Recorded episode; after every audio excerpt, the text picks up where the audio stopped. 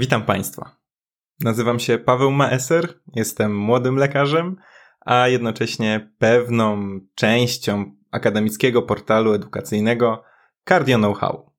Dzisiaj przyszło mi zastąpić pana profesora i w sumie jest to już trzeci raz, kiedy mam taką przyjemność i mogę wypowiadać się w tym oto podcaście. Ci, którzy uważnie śledzą wszystkie nasze odcinki, mogą mnie pamiętać z epizodu, w którym opowiadałem o ksenotransplantacji serca. I skoro przyszło mi dzisiaj zajmować czas antenowy, to pomyślałem, że dopowiem dwa słowa o tym, jak rozwinęła się tam ta historia. Dzisiaj jest ciepły, upalny dzień, także trzymam kciuki, że kiedy Państwo będą tego słuchać, będzie bardziej odpowiednia pogoda, żeby się skupić i troszkę nas posłuchać. Zaczynamy. Pacjent, któremu przeszczepiono serce, zmarł około dwa miesiące po zabiegu. Ale jak już wtedy podkreślałem, to nadal był spory krok w tej dziedzinie, ze względu na to, że właśnie dzięki modyfikacji genetycznej udało się znacznie wydłużyć okres, w którym nie obserwowano cech odrzucenia takiego przeszczepu. Sprawa w sumie była bardzo medialna, a moim zdaniem im bardziej coś takiego jest medialne, tym trudniej znaleźć wartościowe i prawdziwe informacje. Natomiast kilka źródeł wspominało, że przyczyną śmierci biorcy tego serca był świński cytomegalowirus, którym serce było zarażone. Natomiast odnosząc się jeszcze do tego tematu, to kolejne sukcesy zostały ogłoszone 12 lipca bieżącego roku, a mianowicie mowa tu o dwóch ksenotransplantacjach serca, ale tym razem do biorców z potwierdzoną śmiercią mózgową. W obu przypadkach przez kilka dni nie obserwowano żadnych nieprawidłowości, czy to w pracy samego serca, czy w kwestii odrzucania przeszczepu. E, samą procedurę poprzedziło natomiast przeprowadzenie specjalnego protokołu, który miał wykryć potencjalne czynniki infekcyjne, tak jak wcześniej wspomniany cytomegalowirus. Na zakończenie jeszcze tego wątku chciałbym zachęcić wszystkich do obserwowania tego, tego, tematu, bo tutaj naprawdę dużo się dzieje. Sami widzicie, że od czasu tego mojego poprzedniego odcinka już były kolejne sukcesy. A teraz właściwy temat, o którym chcę dzisiaj porozmawiać, ale wcześniej swego rodzaju przypadek kliniczny. 70-letni pacjent zgłosił się na izbę przyjęć w obrazie zaostrzenia przewlekłej niewydolności serca. W badaniu klinicznym zwracają uwagę duszność, obrzęki kończyn dolnych, hipotensja około 90 na 40 e, mm supertenci i pogorszenie tolerancji wysiłku w ciągu ostatnich kilku dni. W badaniach laboratoryjnych podwyższone stężenia peptydów natriuretycznych i biomarkerów uszkodzenia mięśnia sercowego. Co ciekawe, te parametry u tego pacjenta były bardzo podobne, gdy pojawił się właściwie z tymi samymi objawami około 3 miesięcy temu na tej samej izbie przyjęć. W EKG rytm zatokowy 90 na minutę z zespołami QRS o morfologii LBBB, lewogram, niska amplituda załamków w odprowadzeniach kończynowych. W badaniu echokardiograficznym opisywano frakcję wyrzutowej lewej komory wynoszącą 56%, ziarnistą strukturę komór serca, grubość ściany lewej komory opisano na 18 mm. Zaobserwowano także zwiększoną grubość zastawek przedsionkowo-komorowych i obecność płynu w worku osierdziowym. Na podstawie danych klinicznych podjęto podejrzenie amyloidozy serca. Wykluczono amyloidozę AL, uzyskując negatywne badania serologiczne na obecność monoklonalnych łańcuchów immunoglobulin oraz zdecydowano się na scintygrafię SPECT, uzyskując wychwyt stopnia trzeciego, co w świetle aktualnych wytycznych pozwala na rozpoznanie amyloidozy serca bez wykonywania biopsji. Dużo trudnych słów, ale zacznijmy od początku. Amyloidoza, bo to będzie temat tego odcinka, Czym ona właściwie jest? Choroba, myślę, że znana przede wszystkim na tak zwane ucho, bo każdy gdzieś o niej usłyszał, ale jeżeli chodzi o szczegóły, to myślę, że tutaj jest dużo gorzej. Amyloidozy to tak naprawdę szereg różnych chorób, które cechują się odkładaniem nierozpuszczalnych białek w tkankach i narządach, co w pewnym momencie doprowadza do dysfunkcji owych tkanek i narządów. I tak może zróbmy sobie taki prosty podział. Możemy wyróżnić amyloidozę AL, czyli tak zwaną pierwotną, która przypomina szpiczaka plazmocytowego, a złogi amyloidu w jej przypadku tworzą się z monoklonalnych łańcuchów lekkich immunoglobulin. Mamy amyloidozę AA, czyli wtórną, której prekursorem amyloidu jest jedno z białek ostrej fazy, przez co możemy się domyślać, że będą, będzie ona wynikiem przewlekłych zakażeń czy stanów zapalnych.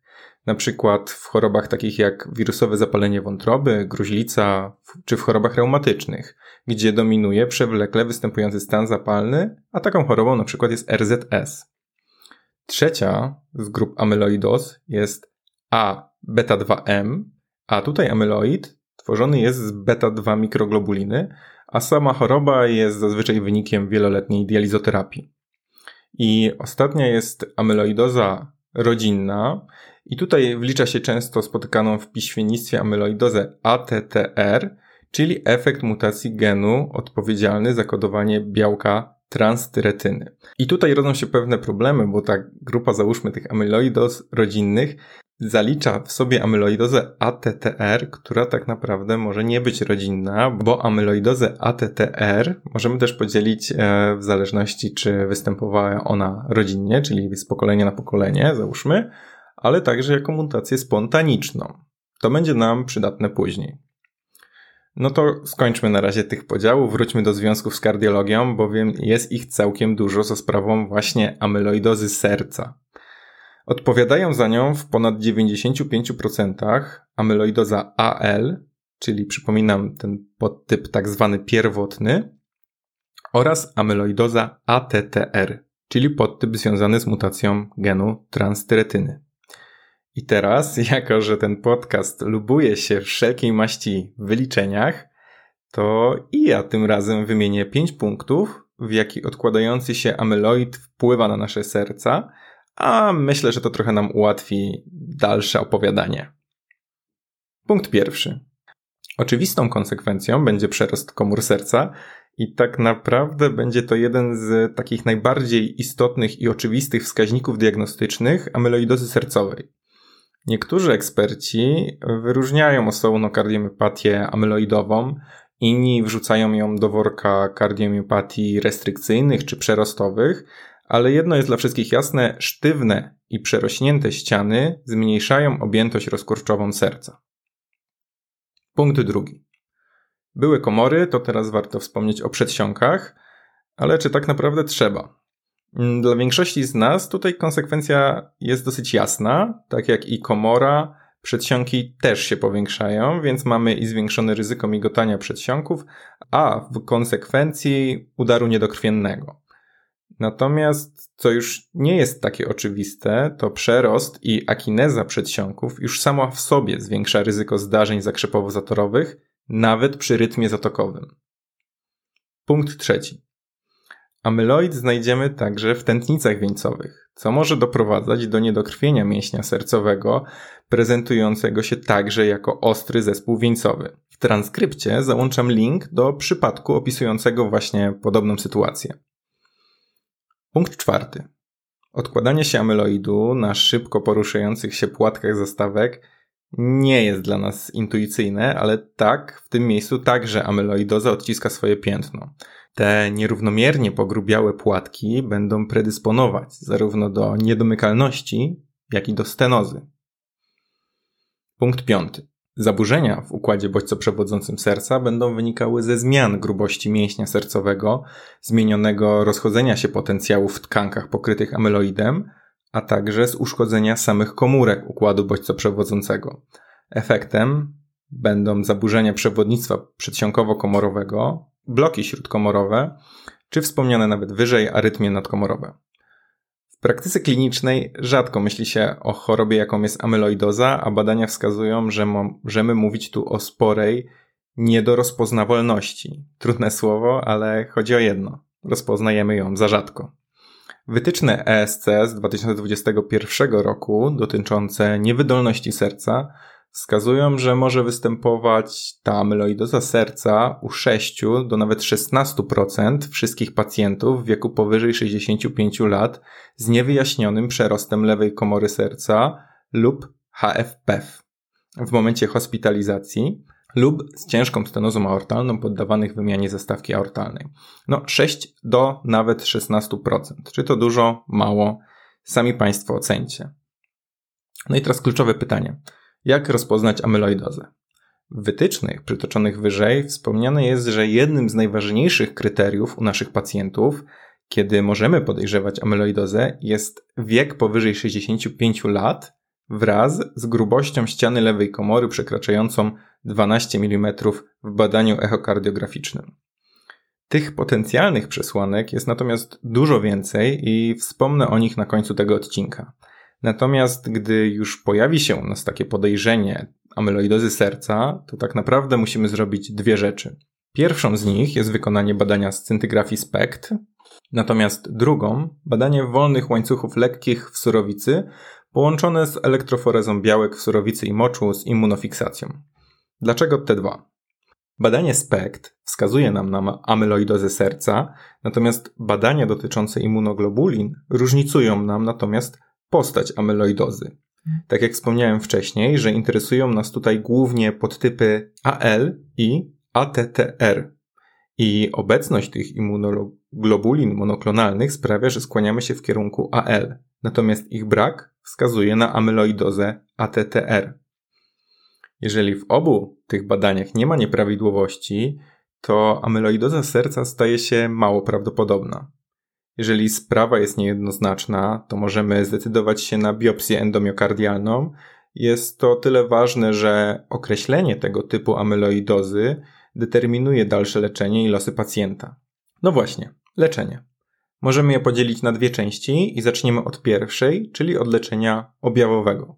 Choć tutaj chyba bardziej by pasowała nazwa leczenia nieprzyczynowego. Nasze wytyczne w tej części są dość lakoniczne, zdecydowanie bardziej przemawia do mnie pełna wersja opracowania ekspertów na temat amyloidozy serca, gdzie wskazują kilka problemów, z którymi trzeba się mierzyć i też wymienimy je sobie tutaj w kilku punktach. Punkt pierwszy. Pacjenci muszą być utrzymywani w stanie normowolemii, ale jednocześnie pełne leczenie niewydolności serca może powodować hipotensję.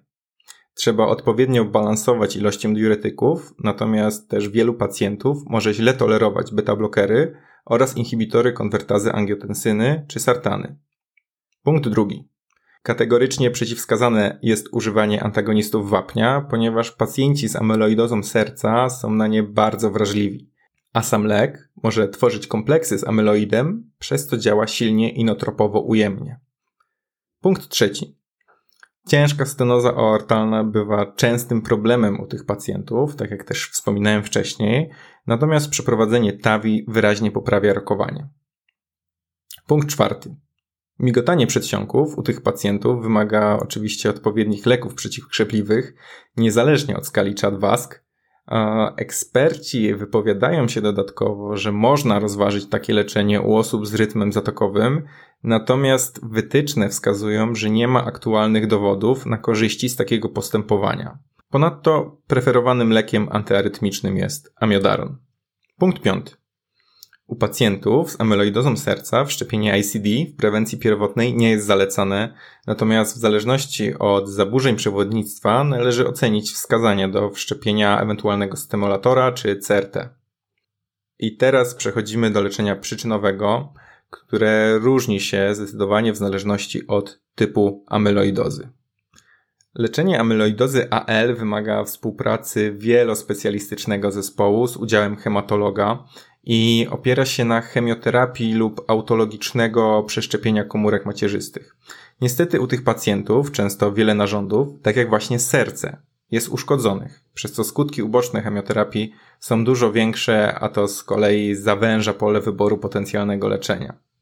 Jeżeli chodzi o leczenie amyloidozy ATTR, to wiele cząsteczek potencjalnych leków jest w fazie badań. Natomiast aktualnie najważniejszym lekiem dla nas jest tafamidis. Trudna nazwa, powtórzę jeszcze raz. Tafamidis jest to selektywny stabilizator transtyretyny. W szczególnych sytuacjach można zastosować jeszcze patisiran lub difonisal, natomiast jest już to wiedza bardzo specjalistyczna i wykraczająca poza ramy tego, co dla Państwa dzisiaj przygotowałem. Wracając do tafamidisu.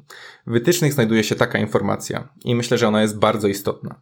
Tafamidis spowodował zmniejszenie częstości zgonów z wszystkich przyczyn i hospitalizacji z przyczyn sercowo-naczyniowych w postaci, e, i tutaj jest wymieniona i ATTR typu rodzinnego i typu spontanicznego, tak jak wspominałem wcześniej, głównie wśród pacjentów w pierwszej, drugiej klasie według Dycha na początku obserwacji. Czyli mamy dobrze działający lek, a dodatkowo na początku tego roku w Circulation pojawił się artykuł opisujący długoterminowe efekty leczenia tafamidisem, gdzie autorzy doszli do podobnych wniosków. Natomiast co jest tutaj istotne, to zwrócenie uwagi na wczesne rozpoznawanie i włączenie leczenia, bo właśnie wtedy uzyskiwano najlepsze rezultaty. Link do artykułu oczywiście w transkrypcie. Powtórzę jeszcze raz. Wczesne rozpoznanie i wczesne włączenie leczenia. Dlatego na koniec chciałbym przedstawić kilka tak zwanych czerwonych flag, które znajdują się w opracowaniu na temat amyloidozy serca, o którym już wcześniej wspominałem, a które zostało stworzone przez grupę ekspertów zajmujących się chorobami mięśnia sercowego i osierdzia. Link do niego znajduje się w transkrypcie, ale wróćmy do tych czerwonych flag i czym one właściwie są. Są to pewne wskazówki, wskaźniki, których powinniśmy szukać i je zauważać u naszych pacjentów, po to, by częściej znajdować amyloidozę serca tam, gdzie ona faktycznie jest. I teraz wymienię kilka pozasercowych, takich czerwonych flag. I są to m.in.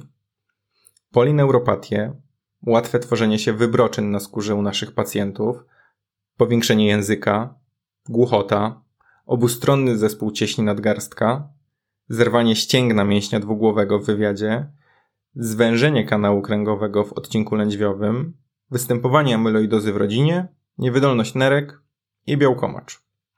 Natomiast teraz te sercowe flagi, czyli tak naprawdę to, co nas najbardziej interesuje, i są to hipotensja lub normotensja u osób z nadciśnieniem w wywiadzie, ziarnista struktura mięśnia sercowego w badaniach echokardiograficznych, przerost ściany prawej komory, zwiększona grubość zastawek przedsionkowo-komorowych, obecność płynu w worku osierdziowym, zmniejszone odkształcenie podłużne z oszczędzaniem koniuszka, to jest tak zwany apical sparing, w EKG mała lub zmniejszona amplituda QRS w stosunku do grubości ścian lewej komory, a także zaburzenia przewodnictwa przedsionkowo-komorowego. I myślę, że to już wszystko z tych naukowych rzeczy, które chciałem zaproponować na dzisiaj. Mm, tak podsumowując, mam nadzieję, że temat amyloidozy serca, choć trochę Państwa zainteresował, w mojej prywatnej opinii łączy ona w sobie większość zagadnień współczesnej kardiologii i dlatego jest taka ciekawa. Liczę także, że wymienione wyżej wskazówki diagnostyczne sprawią, że będzie nam łatwiej doszukiwać się tej amyloidozy i sami choć na moment rozważymy, czy za objawami naszego pacjenta nie stoi właśnie ta podstępna choroba. Na zakończenie skorzystam ponownie z okazji i przedstawię Państwu lekturę ode mnie, bo chyba ten podcast nie byłby bez tego kompletny.